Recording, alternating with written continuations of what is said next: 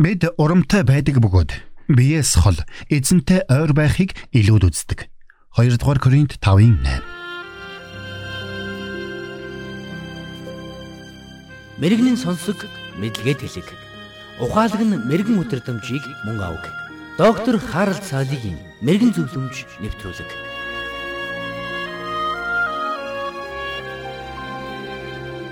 9 сарын туршид хевлидэ тээсэн бяцхан үрээ үхлийн саварт алдах шиг аимшигтай зүйл гэж үгүй. Энэхүү хайртай үрээ алдсан хүн бүрэл уйлан байж бурхан минь яагаад химэн дуу алддаг. Бурхан минь яагаад? Яагаад заавал миний хүүхэд гэж химэн бид уйлдаг. Өр хүүхдээ алдсан эцэг эхийн шаналлд бурхан үнэхээр хайхрамжгүй ханддаг юм гэж юу? Үнэхээр гим зэмгүй бяцхан хүүхэд амиа алдах үед яагаад гэсэн асуултад хариулах бодтой хариулт бидэнд тэр бүр байдаггүй. Миний хамгийн дуртай номуудын нэг болох Бурхны хүчит моторт химэх номдоо доктор Джон МакАртур энэ сэдвийг хүндсэн байдаг. Тэрээр бага насны хүүхдээ алдсан эцэг их ямар хүнд цохилтод ордог тухай өгүүлж энэ талаар хийсэн судалгааны үр дүнг танилцуулсан байдаг. Ийм байдалд орсон эцэг эхчүүдийн 60% нь уур хилэнд автдаг бөгөөд Тэдний ихэнх нь бурханд ууралсан байдаг ажээ. Бурхан энэ нөхцөл байдлаас урдчлан сэргийлж болох байсан гэж тэд боддогтой энэ нь холбоотой аж. Цаашилбал аав нарын 50%, эхчүүдийн 90% нь өөрийгөө буруудадаг байна. Тэдний 75% нь бохимдолд автдаг бол 65-аас 80% нь хоол идэх туршилгүй болдог байна. Мөн 80-аас 90% нь нойргуудад автаж, 95% нь гүн гүнзгий уй гашууд автдаг байна. Энэ тохиолдолд эцэг эхчүүдийн дотор хоёр төрлийн асуулт их хвчлэн төрдөг ажээ. Эхнийх нь яагаад заавал миний хүүхэд гэж гэсэн асуулт байдаг бол нөгөөх нь миний хүүхэд одоо хаана байгаа бол гэсэн асуулт байна.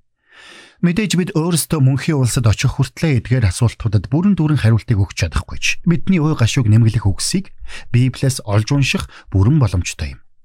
1-р Самуэль 12 дугаар бүлэгт Давид Батшиба хоёр хүүхэдтэй болсон тухай өгүүлсэн байдаг. Гэвч тэдний харилцаа бурхны бэлмэд тааламжгүй байсан юм. Улмаар хүүхэд төрснөөсөө хойш хүн дээр өвчилж биеийн дороотож эхэлсэн байдаг. Давид ч бурхны өмнө өөрийгөө даруусгаж гим нүглээ гимшин бурхны өмнө уйлан залбирсаар байсан. Харамсалтай нь 7 хоногийн дараа бяцхан хүү эндсэн байна.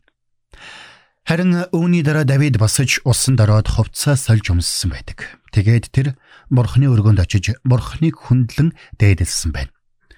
Хүмүүс түүнээс яагаад ингэж байгааг нь асуухад тэр хөвгүүнийг амьд байх үед би мацаг барин уйлж байсан нь эзэн намайг нэгүүлсэж хөвгүүнийг амьдруулах магад хэмээн сансны учир юм. Гэтэл одоо тэр өөд болчихлоо. Би юунд мацаг барих ёстой вүлээ? Би түүнийг дахин эргүүлж авчирч чадахгүй л үү? Би өөрөө түүн дээр очих болно. Харин тэр над дээр эргэж ирэхгүй. 2 дугаар Самуэль 12-ын 22-оос 23 хэмээн хариулсан байдаг. Давид энд би өөрөө түүн дээр очих болно. Харин тэр над дээр эргэж ирэхгүй. гэж хэлсэн байгааг та анзаарч байгаа байх. Энэ тухай Джон Макартур бичгтээ.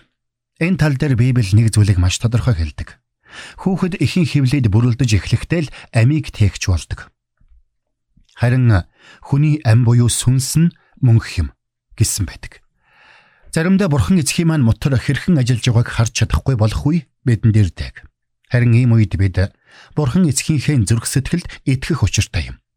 Бурхан иш үзүүлэгч Иремяд айлдахдаа эхийн хевлид чамайг бүрэлдүүлэхээс өмнө би чамайг мэдэж байсан. Төрхөөс чинь өмнө би чамайг ариусгаж үндэстнүүдэд иш үзүүлэгч болгон чамайг томилсон. Иремя 1:5 гэсэн байдаг шүү дээ.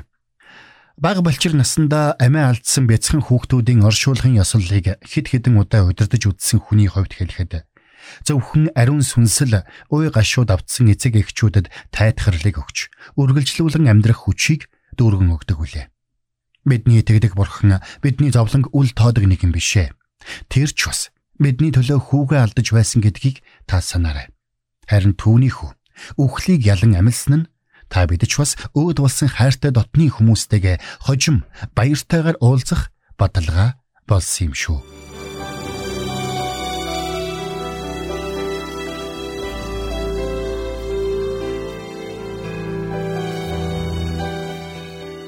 Мэргэн нэгнийг дагуул мэргэн мулгуутай нөхөрлөл хорлол. Доктор Харалт цайлигийн мэрэгэн зөвлөмж нэвтрүүлэг танд хүрэлээ.